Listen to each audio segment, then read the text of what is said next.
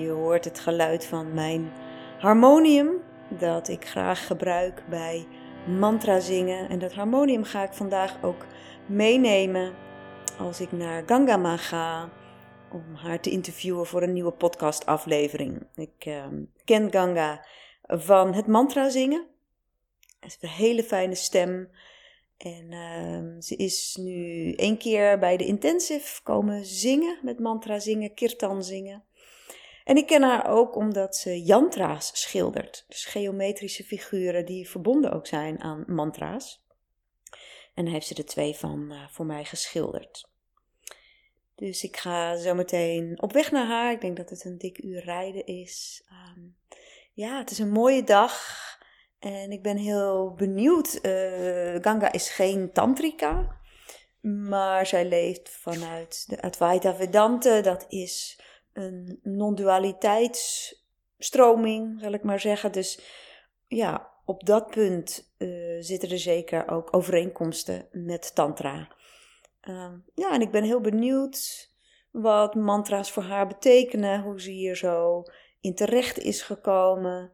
En wie weet hebben we ook nog tijd om, ja, dat iets vertelt over de yantra's. En ik neem mijn harmonium ook mee, omdat mijn harmonium bleek toen ik het had gekocht, dat die op 432 hertz is gestemd. Nou, dat schijnt dan een soort van eigenlijk een soort van natuurlijke grondtoon of vibratie te zijn. Terwijl alle, nou, de meeste instrumenten tegenwoordig 440 hertz gestemd zijn. Nou, het is leuk als je daar iets over opzoekt op internet. Dan zie je dat er mensen zijn die zich willen inzetten om uh, ja, alle instrumenten weer om te zetten naar 432. Omdat dat eigenlijk ja, mm, beter resoneert met wie we zijn. Zal ik maar simpel zeggen. Dus ik wil wel eens die twee harmoniums, of harmonia, ik weet niet hoe je het zegt naast elkaar horen. En nou, ik vraag me af of ik het verschil hoor. En jullie mogen zelf ook gaan kijken of je het verschil hoort. Dus ik ga zo um, op pad. Waar kom ik niet terecht? Bij een van een landhuis. Ik kan me gewoon niet voorstellen dat het hier is. Maar ja, had het gezegd. Nummer 6. Oké. Ah, daar ben je.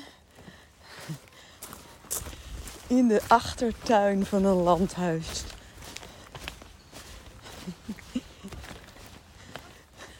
Hallo, hi. Mm. Je hebt je harmonium meegenomen? Ja, ik wou de verschillen horen. Ah, leuk. Qua ja. stemming. Daarna heb ik eens een keertje twee naast elkaar. Ja. ja. Hé, hey, maar wat grappig. Ja, ik had wel zo'n beeld dat je zo woonde. Maar ja. toen kwam ik aanrijden. En ik 4A. Oké, okay, dan zal het wel daarnaast zijn. Nee, ook niet. 4B. 4C. En toen kwam ik, stond ik hiervoor. Oké, okay, waar woon je? Ja. ja, dit is een groentetuintje.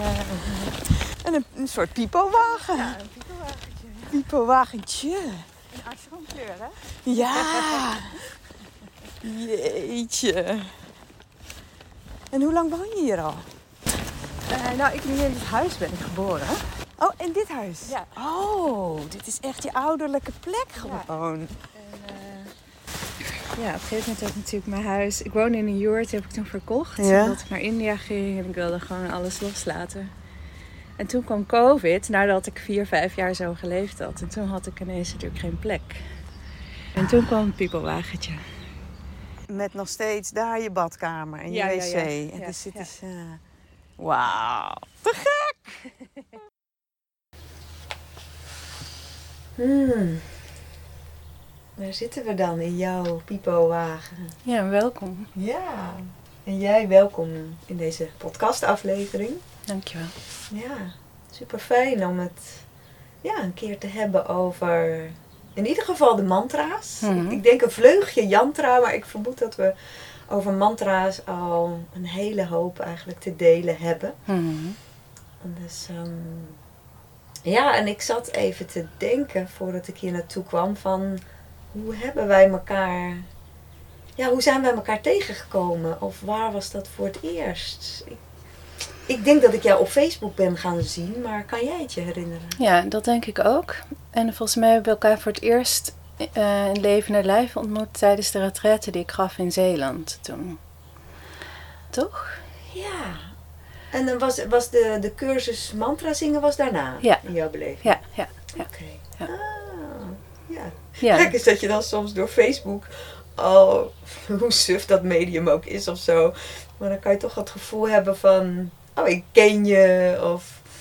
Ja, precies. Ik dacht van, oh, ze heeft wel volgens mij best een ander pad dan ik. Ook al zijn er veel overeenkomsten. Maar ik merkte wel uh, dat je gewoon ook heel toegewijd bent aan je pad. Mm. En dat, uh, ja, dat vind ik gewoon altijd heel mooi mm. om te zien aan, uh, in mensen. Ja.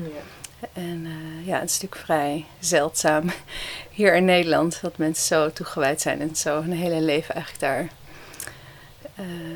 ja, aan toewijden. Ja. Dus dat ja, vind ik altijd heel fijn om te zien. Oh, mooi. Ja, en, en ik denk dat hetzelfde voor jou geldt. Geen tantra, maar ik hoor straks graag iets meer over ja, jouw levensvisie. Mm-hmm. Maar eerst even naar um, de vaste rubriek van het tantra-voorwerp. en uh, we hebben zo even rondgekeken in jouw pipo-wagen wat hier lag.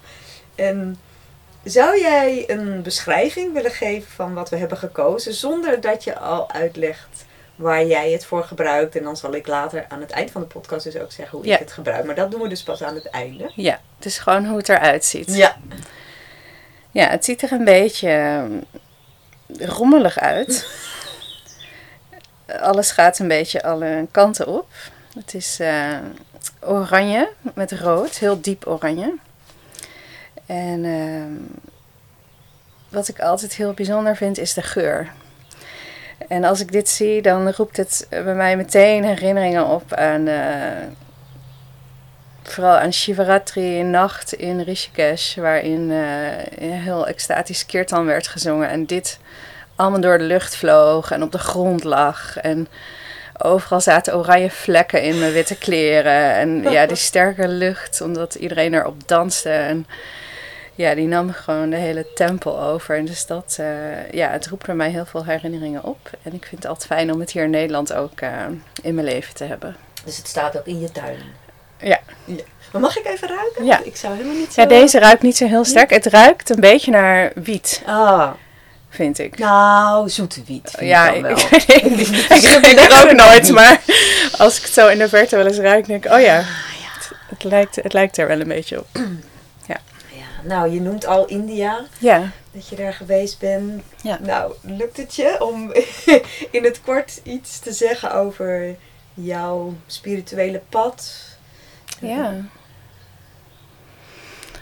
Ehm, ja, mijn leven is toegewijd daaraan, zo voel ik dat.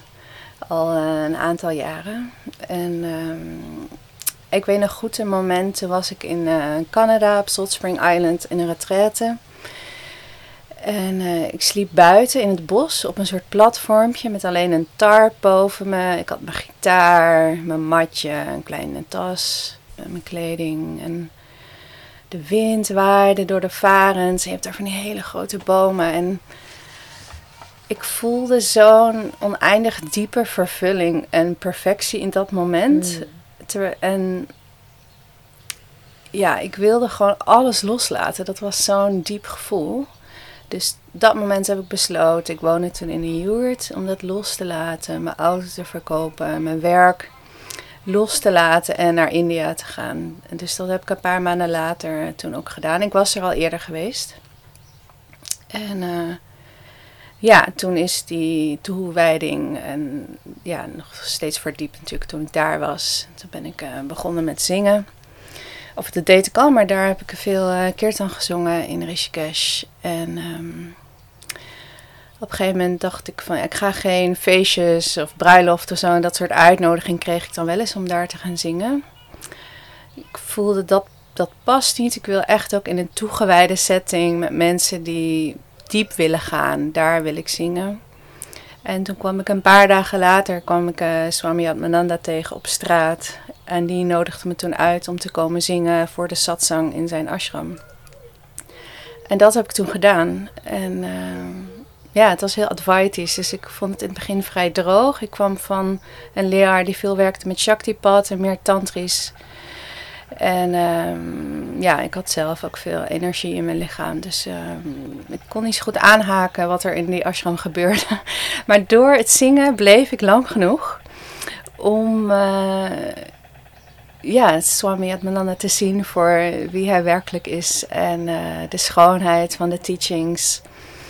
En uh, ja, nu vijf jaar later ben ik nog heel nauw betrokken bij de mm. ashram. En zie ik hem wel als mijn, mijn leraar. En dat noem je dus de Advaita, dat is de stroming? Of heb je er een...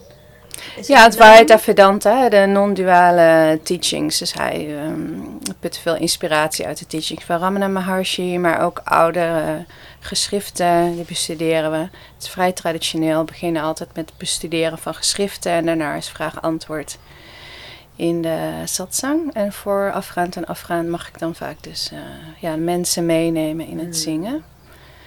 En uh, ja, SEVA, de Selfless Service, is ook een belangrijk onderdeel van mijn pad, vooral als ik in India ben.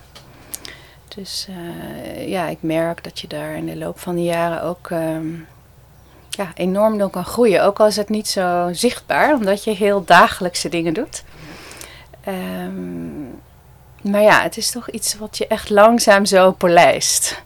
En uh, ja, ik vind het heel belangrijk dat in het pad al die aspecten um, aanwezig zijn. Hè? Dus niet alleen de meditatie, maar ook de karma yoga of de seva, devotionele uh, aspect. Uh, de hatha yoga.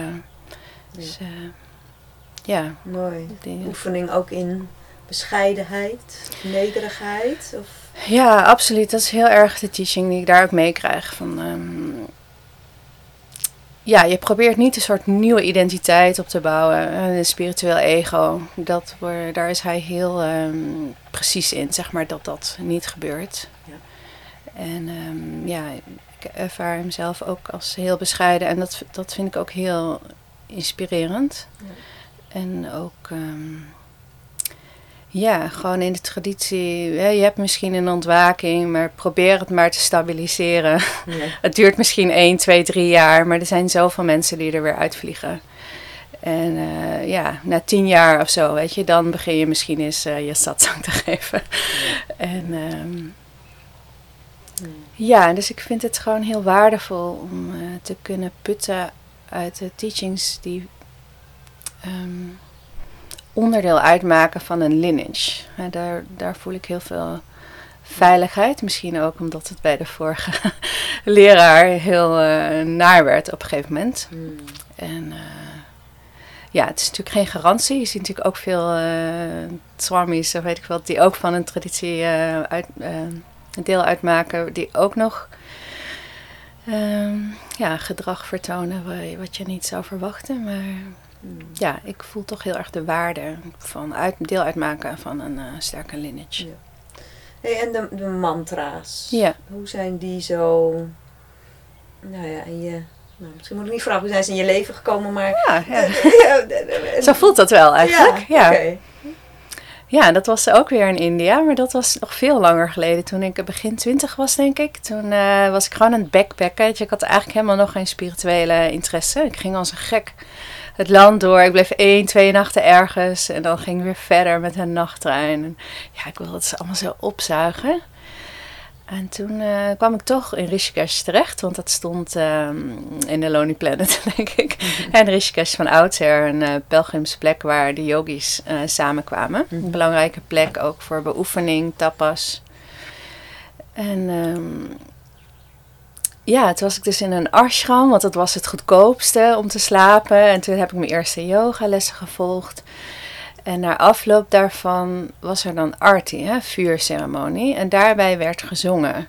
En dat was denk ik ook de eerste keer dat ik echt zo Sanskriet hoorde. En dat raakte me zo enorm. Ik kan niet uh, begrijpen hoe. Ik begreep ook niet wat ze zongen. Ik weet nog wel wat het was, zeg maar, welke, welke arti lied. En uh, ja, dat was, ik was gewoon betoverd. Ja. Hmm. Dus toen kwam ik naar Nederland en toen uh, kwam ik terecht bij Mark Citroen. Die woont nu inmiddels in België. En hij, um, hij gaf les in harmonium spelen, mantra zingen en hij organiseerde ook kleine keertandjes bij hem thuis. Dus daar, uh, ja, zo is het begonnen eigenlijk. En toen uh, heb ik ook een yogaopleiding gedaan, waarin het niet heel erg eigenlijk een onderdeel was van, uh, van de lesstof. Maar ja, zo is het gewoon langzaam aangegroeid. Ja, en, en ja. wat is een mantra? Je zou kunnen denken, als, je, als je een keer bij Kirtan zit, ja. oh, dat is gewoon mooi zingen. En ach, nou ja, Sanskriet, leuk. Ja. Ja, dat kan natuurlijk uh, ingang zijn. Hè? We, zo kan je het, uh, hoe zal ik het zeggen? Ja, je begint altijd ergens. dat is helemaal oké als dat je ervaring is. Zo is het voor mij ook begonnen. Maar ik denk dat veel mensen wel, als ze open zijn, voelen dat het iets anders is dan andere muziek. En het is natuurlijk gewijde muziek.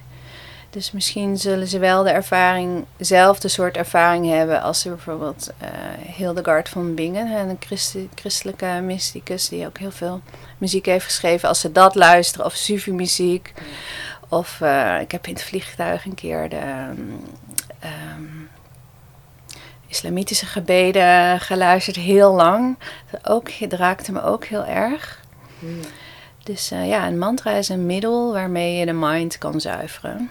En uh, het is een middel om. Ja, de mind is altijd actief. En um, je kan niet zeggen stil tegen de mind. Dat, dat werkt gewoon niet. Maar je kan het wel richten op iets wat, wat, je, wat je inspireert, wat nobel is. En um, ja, dus het zijn woorden die je opzegt, reciteert, in stilte misschien reciteert of uh, zingt. En uh, ze hebben een betekenis. Mantras komen vaak uit geschriften, uit de Upanishads bijvoorbeeld. En uh, ja, ze hebben. David Frawley noemt dat het Shakti-opbouw in de mantra. De mantra kan je eigenlijk zien als een soort levend iets wat al duizenden jaren misschien gezongen wordt um, door verschillende mensen over de hele wereld. En uh, ja, dat bouwt een soort kracht op. En als je een mantra zingt, dan kan je daar eigenlijk uh, uit putten, uit die kracht. Mm. Dan stem je daarop af. En dan, uh... Dus ja, het Sanskriet is natuurlijk een hele bijzondere taal. Voor mij voegt dat echt iets toe. Als je een mantra vertaalt in het Engels, dan ja, het doet mij niet zoveel. Het wordt wel eens de taal van de goden. Ja, ja. ja. Een beetje flauw misschien, maar ja, ja to toch, ja. Ja, ik denk dat het wel heel dicht staat daarbij. En uh, ja, vanuit filosofie wordt natuurlijk gezien dat er eerst alleen het puur bewustzijn was. En van daaruit ontsproot uit zichzelf een vibratie. Die vibratie was oom. En um,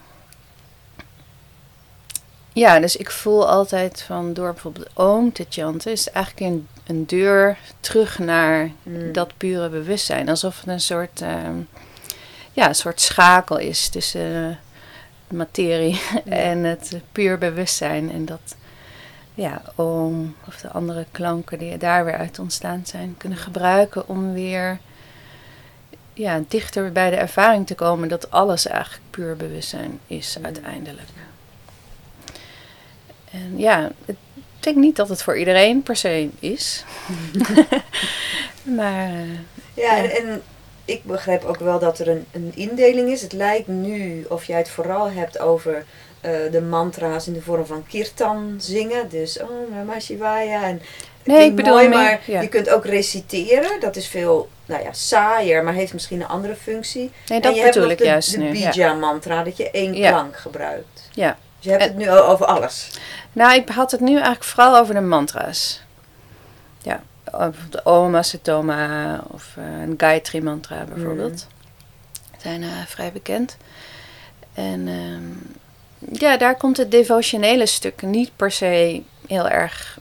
ehm, maakt daar niet heel erg deel van uit. En een mantra kan je vrij droog, om het zo Mhm. maar even te zeggen, opzeggen. En het leidt je uiteindelijk wel naar het hart, want het, het zorgt dat je voorbij gaat aan de mind natuurlijk. Maar een, een kirtan is meer iets wat eh, ja, devotioneel, de namen van de goden en de godinnen uit de Indiase traditie, die zing je dan. En Mm. vaak z- zitten er nog wat woorden om me heen, zodat je zingt van ik geef me over aan de, aan de gratie van, of ik zoek toevlucht tot, of uh, ik vier, of ik groet. En dan de namen van de goden en de godinnen. Ja, en dat, uh, ja, dat heeft een hele andere kwaliteit. Maar ik voel altijd heel sterk dat het echt naar hetzelfde leidt. En de extase van de kirtan, die vaak wat dynamischer zijn, zeg maar qua muzikale kwaliteit, begint vaak rustig en dan bouwt het op en dan ja, heb je een soort climax of het is juist heel um, iets gelijkmatiger, maar nog steeds heel hard gedragen. En, um, dat is ook wel heel erg iets wat je samen doet. Ja, dat klopt. Terwijl dat reciteren kun je ook samen doen. Wij deden dat in het blok waar jij laatst was bij de intensive. Hebben we dat ook uh, met elkaar gedaan, dat, dat reciteren. Uh, ik doe het zelf iedere dag ook. Um, maar de kirtan is dan nog meer... Ik, ik, ja. Heb je ook wel eens die extase als je het in je eentje doet? Ja, en ook in het, in het reciteren, het meer meditatieve mantra zingen daarin kan je dat ook ervaren. Maar het is, uh, Kirtan is denk ik gewoon meer naar buiten gericht. Mm. In expressie. Maar het leidt je uiteindelijk wel naar binnen. Ja. En het mantra zingen is denk ik meer naar, naar binnen gericht. Maar ik kan evenveel extase voelen als ik zit en heel mm. bewust ben van de adem. Dan wanneer ik heel hard zing en klap uh, op mijn gitaar en iedereen is aan het dansen. En, ja, het is allebei extase, maar het heeft wel natuurlijk een iets andere smaak. Maar in wezen is het wel hetzelfde, hmm. denk ik, ja. in mijn ervaring. En nou moet ik zo even denken. Ja, in, in, de, in de meeste langere trainingen die ik geef waarin we dit doen, staan de meeste mensen er wel voor open. Mhm, mhm. Maar ik heb ook altijd wel mensen die zeker aan het begin van een training zeggen van nou, dat met die goden en die godinnen, nou, daar heb ik allemaal niks mee. En, ja uh, die mantra's en dan weet ik niet wat ik zing. Ja. Maar wat, wat, zou, wat, zou, wat is jou, heb jij een advies voor mensen die in die weerstand zitten, maar wel in zo'n situatie terechtkomen dat er keert dan is? Kijk, als, als het er niet is, hoef je het ook niet op te zoeken. Maar... Nou, ik denk dat het heel legitiem is. Want het is natuurlijk een bepaalde traditie. En de godinnen en de goden zie ik zelf als een, um, ja, een bepaalde manifestatie van het goddelijke, een expressie daarvan. En uh, ja, ik voel me heel erg thuis in de Indiase traditie. Um, maar ik kan me heel goed voorstellen dat het voor andere mensen helemaal niet zo is. En dat je dan um, niet per se dat wil zingen. Dat dat niet goed voelt om je hart te richten aan iets wat je eigenlijk niet kent. Um, aan de andere kant heb ik ook wel eens gezongen op een begrafenis voor mensen bijvoorbeeld. En dan heb je natuurlijk heel veel mensen die er helemaal niks mee hebben. Maar dan komen er altijd mensen na afloop naar me toe van... Oh, ik was er zo door geraakt en wat zong je nou precies? Ja, die proeven dan wel iets van de kwaliteit van de muziek... zonder dat ze weten wat er gezongen is. Dus dat, dat zou ik dus um, proberen zeggen van... Ja, kijk of je iets kan voelen van de kwaliteit uh, van wat er gezongen wordt misschien luisterend aanwezig te zijn. En um, ja, ik zeg zelf ook altijd bij het zingen van je kan je op verschillende manieren verbinden met die uh, en godinnen. Um, voor sommigen zijn het archetypes, voor anderen zijn het kwaliteiten die al in jezelf aanwezig zijn, zoals moed of overgave of wat dan ook, aarding, uh, wijsheid. En dat je die zelf kan cultiveren uit kan nodigen om te groeien ehm, door je te richten tot die goden en godinnen. Of gewoon door de namen te zingen of je focus daarop te leggen.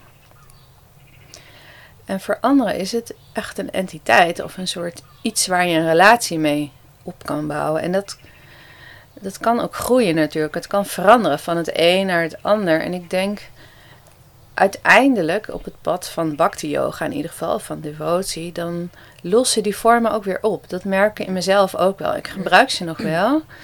En ik heb ook met, uh, bijvoorbeeld met Shiva, de, ja, voel ik echt uh, ja, een soort persoonlijke relatie. En ook met Durga vooral. Um, maar toch begint bij mij ook heel sterk te verruimen naar dat wat vormeloos is. Ja. En dat, ja, dat is ook het pad van Bhakti. Het begint in de dualiteit en het eindigt in de non-dualiteit. Ja. Tenminste, dat hoop je. dus ja, ik zou nooit iemand dwingen om iets te zingen waar hij geen gevoel bij heeft. En Nee. eh, ja, je hoeft ook niet mee te doen. Ik kan me heel goed voorstellen dat dat een weerstand oproept. Ik heb ook een keer, zong ik tijdens een retraite. Het zijn natuurlijk aparte situaties, omdat mensen zich dan niet opgeven voor het zingen. Maar het maakt deel uit van het Ja. programma. Dus ja.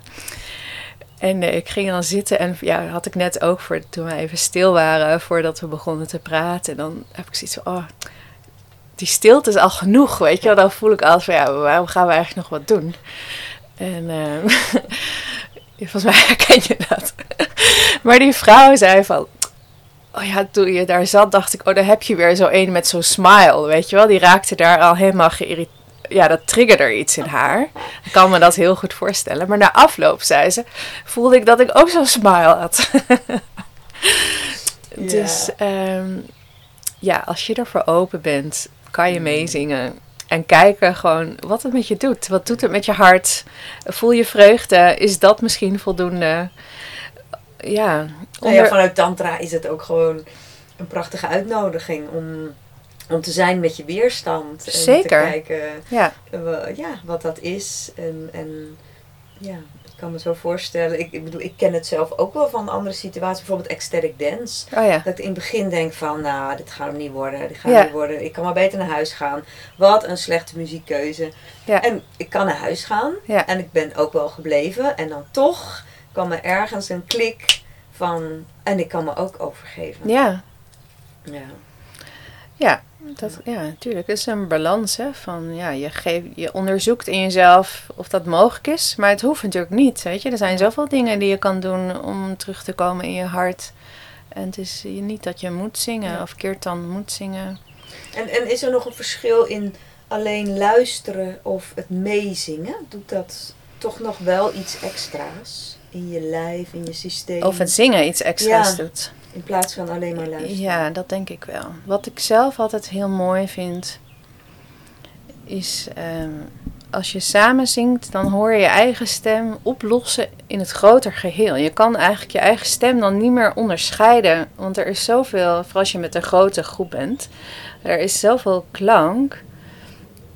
En dat is natuurlijk zo, daarmee voel je van, oh, het is fijn. Of kan je voelen, het is, het is oké om opgelost te zijn. Het is oké om iets van die Mm. afgescheidenheid los te laten. En ja, dat, ehm, ik denk dat dat heel inspirerend is voor ja, je hele spirituele beoefening. Oh, dat heb ik nooit eh, zo gerealiseerd. En ik heb dus wel eens een keer tegen jou gezegd van... eh, goh, mijn stem lijkt ontzettend op die van jou. Dus op Mhm. het moment dat ik meezing met jouw mantra's... Nou ja, dan heb ik letterlijk dat oplossen. Dat ik mijn eigen stem niet meer herken. Ja, En dat heb ik nog nooit bij iemand anders gehad. Ja, En, ja. en laatst toen jij bij ons kwam... Ja. Toen zat ik naast iemand en die hoorde mij meezingen. En die zei, Ja. oh, ik snap wat je bedoelt. oh ja, ja, ja. ja, ja, ja. En eh, die hoorde dat ook. Dus daar is het nog eens extreem. Het kan natuurlijk ook gewoon als iemand een heel andere mannen-vrouwen stem Mhm. hebben. Of met een groep. Maar dat oplossen, dat vind ik wel een mooie metafoor die ik nog niet eerder zo Ja. gerealiseerd had. Ja, en ik voel. ehm, mijn oefening is ook heel lang geweest om ja, het doen van het zingen los te laten. Hè, om me te proberen zo leeg te worden eigenlijk dat er door mij heen gezongen kan worden. Dat vind ik ook een van de belangrijkste. Dat is eigenlijk in al mijn werken, of het nou yoga is of yantra zingen, spelen, schilderen of kirtan zingen, mantra zingen. Ehm, ja, voorbij te gaan aan de doener. Hmm. En ehm, ik krijg wel eens terug van mensen dat ze zich vrijer voelen om te zingen dan in andere situaties. En ik hoop dan dat dat komt omdat ik mezelf ook vrij voel en niet de doener probeer. Tenminste, dat is continu de oefening, dat ik het niet doe, het zingen. En eh, ja, daarmee hoop ik dan op een subtiele laag mensen te inspireren om ehm, ja, ook te weten dat zij het niet doen. Dus het kan ook niet fout zijn. Weet je, want het gaat door je heen. Dus daarmee komt er, gaat er dan een stukje van het presteren gevoel Mm. af. Want er zijn zoveel mensen die hebben eh, ja, gehoord in hun jeugd dat ze niet kunnen zingen. Of dat het te luid is. Of niet het gepaste moment. Of, eh, Ja, je Ja. zegt toch ook wel van zeg ik het goed? Laat de, laat de mantra jou zingen. Was die uitspraak van jou of, of niet? Uh, Iets in die richting? zo, zomaar, ja.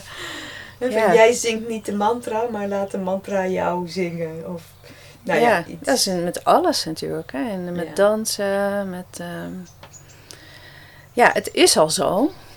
Het is natuurlijk al zo. Het idee dat we iets doen, dat is natuurlijk heel sterk. Maar uiteindelijk is het natuurlijk helemaal niet zo. Nee.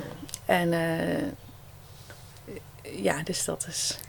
En dat, dat zit ook in jouw taalgebruik. Dat heb ik je ook wel eens teruggegeven. Ja, zo ja. mooi van, van, ja, ik heb toch de neiging en ik, ik zou het anders willen doen, maar dan zeg ik van, en je kunt je ogen sluiten. En jou hoorde ik zeggen, en laat de ogen, nee dat zei je niet eens, en de ogen die langzaam dichtvallen. In ieder geval, je gebruikt het woord ik heel weinig. Ja, in, ja, in, ja. hè, dus meer het, het proces eigenlijk beschrijven. De adem zichzelf verdiepend. In plaats Ja. van verdiep je ademhaling. Ja. ja, of ik zeg vaak nodig. Of eh, ja, nodig de adem uit. Of, ehm, ja, want als we in ons taalgebruik heel tijd dat doen, Ja. dan Ja, vond ik heel eh, mooi. gebruiken. Ja. Ja, en andere mensen vinden dat ook weer, hebben daar weer een soort allergie op. Ja, dat kan zeker ook dat het eh, zweverig eh, wordt. Maar als je, als je ook nog niet zoveel hebt met de non-dualiteit, ja, dan, dan, dan, dan valt dat kwartje ook helemaal niet, denk ik. Dan denk je, ja, hoezo, Nee. hoezo, hoezo doe ik niks? Ja. Ik zit hier toch te ademen.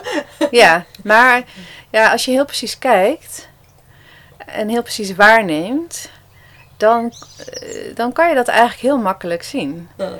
En want als je gaat onderzoeken van op dit moment, waar is diegene die de inademing haalt? Ja, die, die kan je gewoon niet vinden als je precies kijkt. Hè? Dus eigenlijk kan je in een minuut, heb je dan al die ervaring van Oké, niet doen. Yes. Ja, ja. Ja, ja. hey, er was nog een vraag van een luisteraar. Wat is het onderscheid tussen tantrische mantra's en andersoortige mantra's? Dus iemand maakt een onderscheid Hmm. dat er tantra, tantrische mantra's zouden zijn en andersoortige. Ja. Is dat zo überhaupt?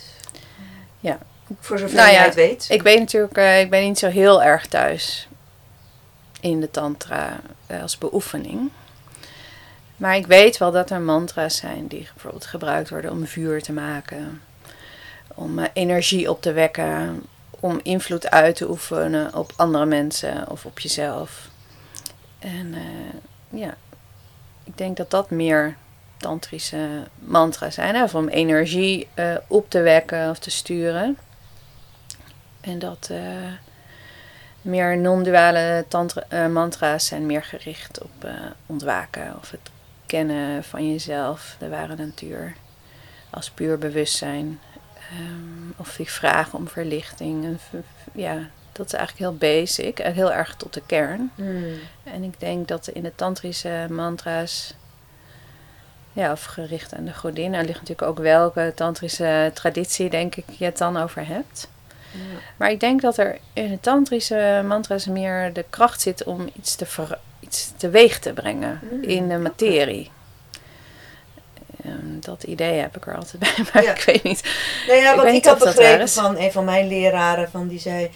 Ja, iets is tantrisch als het in de tantrische geschriften voorkomt. Ja, ja, natuurlijk. Maar iets ja. anders wat ik vandaag bedacht toen ik hierheen rijd is... ehm, kijk, voor tantra in het verleden, in de traditie... eh, moest je een initiatie ondergaan Ja. om in, bij de leraar te komen. Dus het was open voor eigenlijk iedereen, man, vrouw, on- ongeacht je kasten. Maar je moest wel een passie tonen voor dat pad.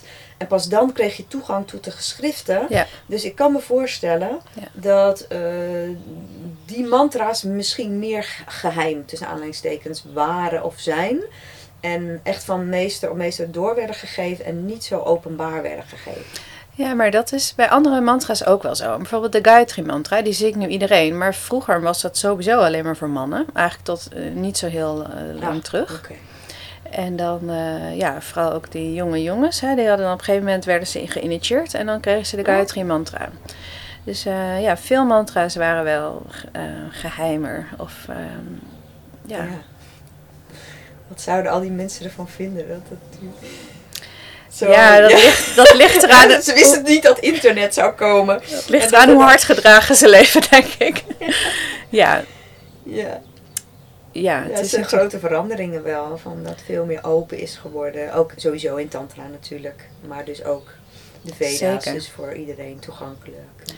Ja, en ik denk altijd van uh, het is heel makkelijk om daar een oordeel over te hebben. Als yoga-docent zie ik natuurlijk ook dingen waarvan ik denk van uh, ja jongens, waar zijn we mee bezig? Maar het is een ingang voor mensen. Weet je? Dat is natuurlijk zo prachtig eigenlijk. Of als je naar Rishikesh kijkt bijvoorbeeld, het was vroeger een hele stille plek voor meditatie. En nu is het een soort party uh, scene voor ja, jonge mensen vanuit heel India en, um, en het Westen ook trouwens. En uh, ja, aan de ene kant kan je zeggen, ja, dat verpest de, eigenlijk de heiligheid of de gewijdheid van die pelgrimsplek. Aan de andere kant kan je zeggen, ja, miljoenen mensen komen nu elk jaar daar naartoe. En ook al zijn ze alleen maar aan het feesten en riverraften, toch krijgen ze een zegen van, van die plek. En uh, ja, kunnen ze, zullen ze daar ongetwijfeld iets van, hmm. Van pakken. Dus ja, aan de ene kant denk ik het is heel goed om de traditie te beschermen en, mm, en niet zomaar van alles te doen. Aan de andere kant denk ik, ja. Het is ook wat het is, ja. Ja, en als het daarmee veel mensen bereikt die uiteindelijk hopelijk dan wel terug, meer terug naar de bron gaan en zien dat yoga niet iets is om fit te worden of beter te kunnen presteren in je werk of mm. dat soort dingen. Ja, dan is het toch ook oké. Ja. Dat, uh, ja. Misschien nog heel, in één keer terug naar de kirtan zingen. Van, heb, je, heb je nog een paar nou, tips of zo die je mensen kan meegeven als ze de volgende keer een kirtan zingen? Om het misschien net, net weer wat anders te beleven dan de vorige keer. Net misschien een andere focus. Of, we hadden het natuurlijk net al even over de mensen met weerstand. Maar nu de mensen zonder weerstand die er gewoon die het ook heerlijk vinden. Is, is er nog iets extra's wat je ze aan inzicht kan meegeven? Hmm.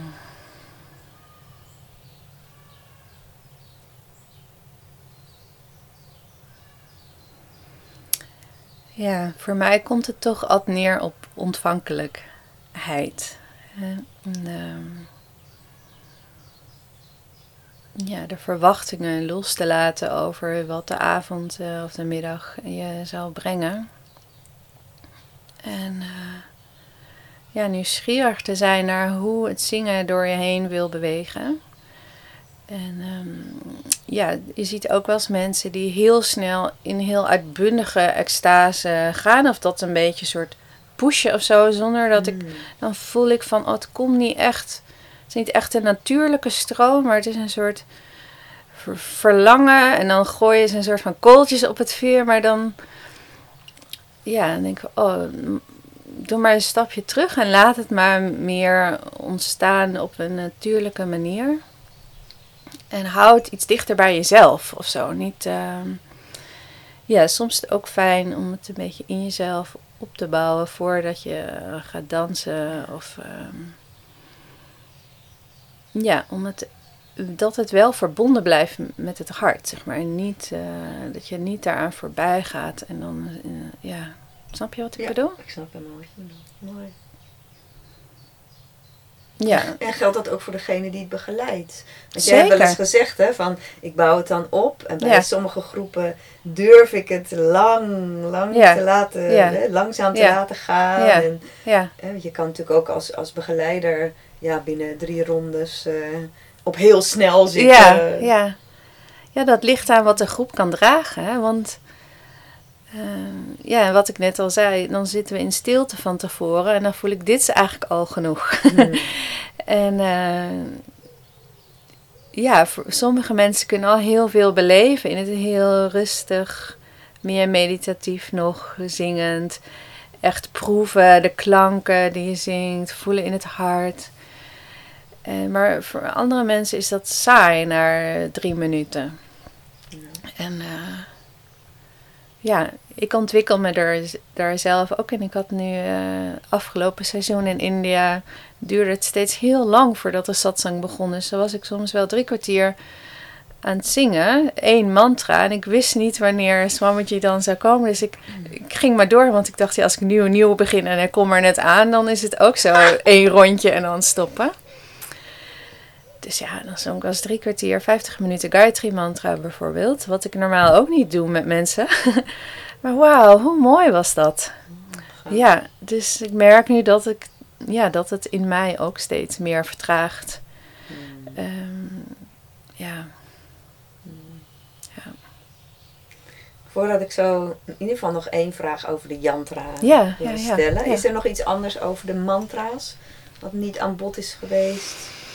Wat je wel belangrijk vindt om te noemen? Nee.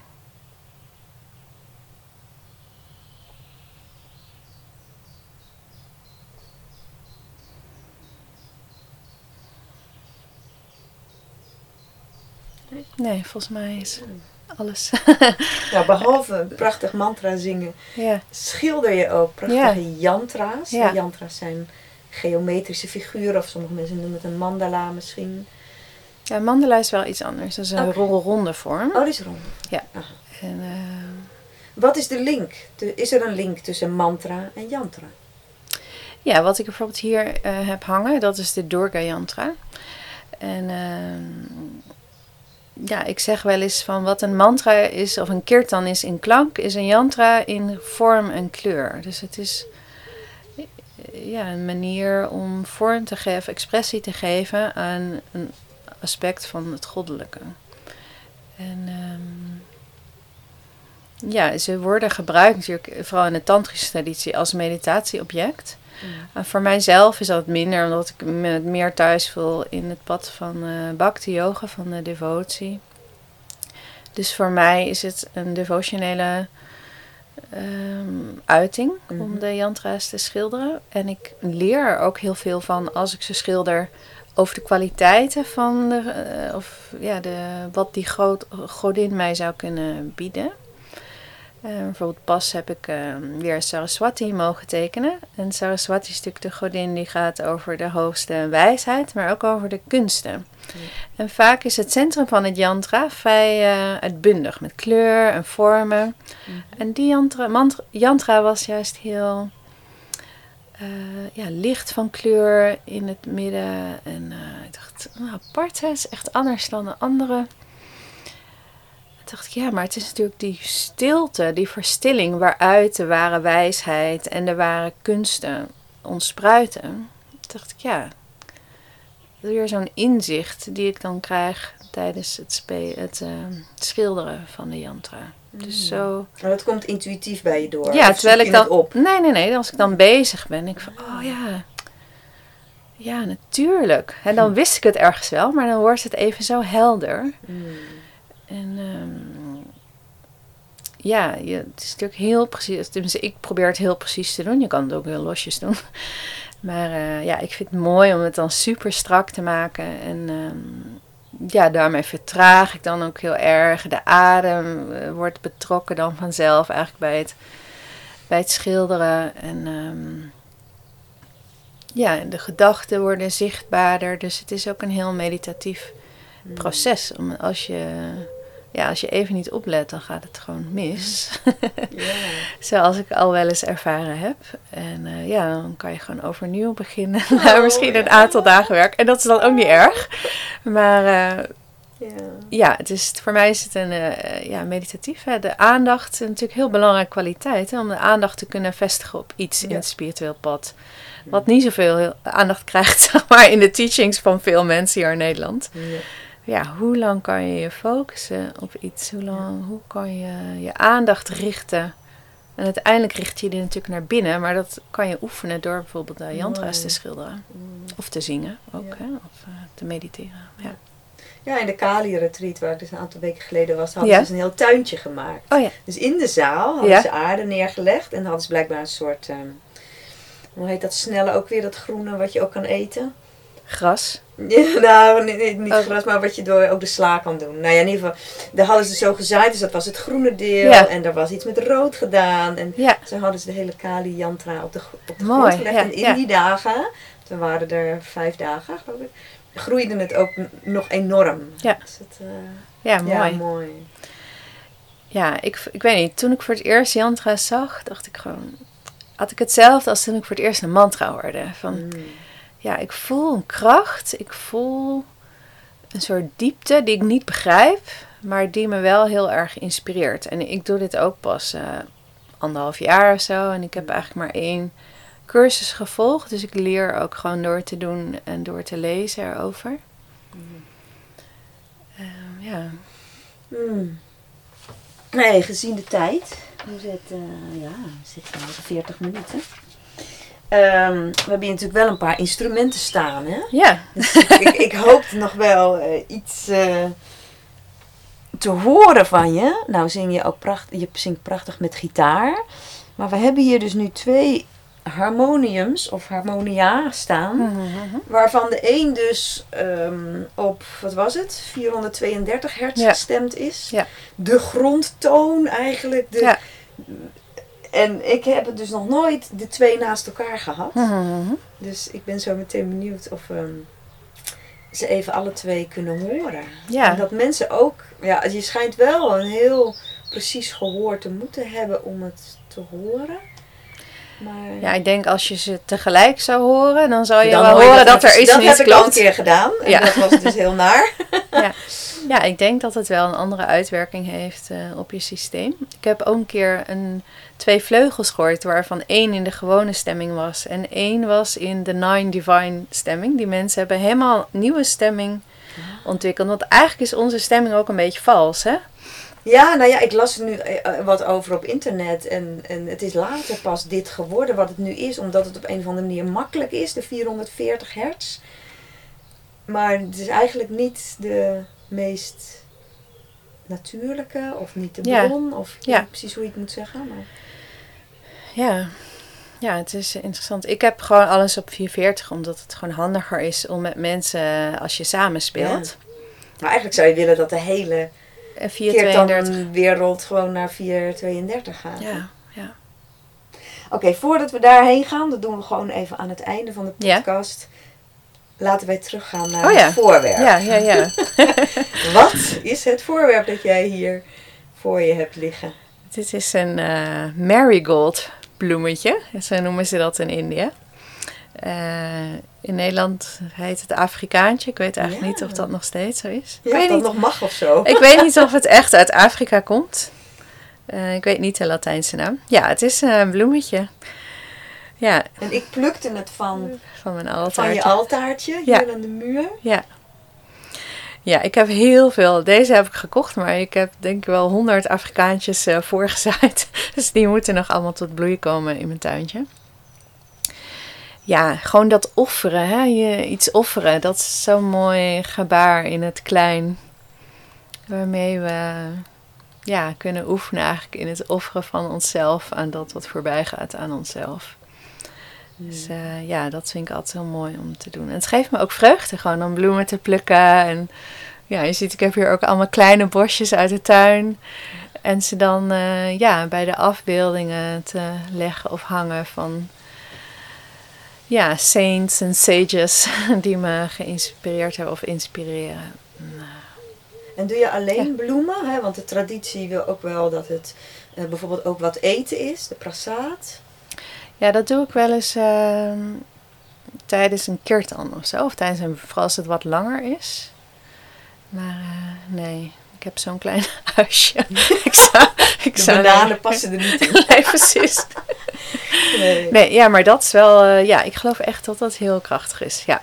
Mm. Ik heb het in India één keer meegemaakt. De afgelopen keer dat ik een appel kreeg van iemand. En ik was helemaal eh, ja, in de zevende hemel. Toen, toen heb ik voor het eerst echt prasaat. Het was in een ashram in Uttarkashi. En we gingen weg. Dat was bij Swami Premananda van de Mhm. Shivananda lineage. De oude eh, Swami. En hij gaf me die appel. Ik hield die appel vast. En ik voelde zo de energie door mijn handen, door mijn armen. Oh, en? Ja, ik kon geen eens gedag meer zeggen later. Ja. Ja, dus dat, ja, natuurlijk als we ja, eten neerleggen op een gewijde plek, dan wordt het eten ook gewijd. En dat, ja. daarmee kunnen we ons lichaam dan weer wijden. Ja, Ja. het is zo mooi. Net als een hostie eigenlijk, hè? Ja, mooi. Ja, ik ben, ik ben daar ook groeiende in. Van eerst deed ik dat niet. Ik had het wel in India meegemaakt. En eh, ja, nu hebben we eigenlijk in iedere langere retreat hebben een, een altaar. En ik vind Mhm. het ook mooi om het eten in ieder geval ook daar eh, te offeren. En aan het Ja. eind van de avond eh, uit te delen. Het is, het is maar een klein beetje, maar Ja. wel iets.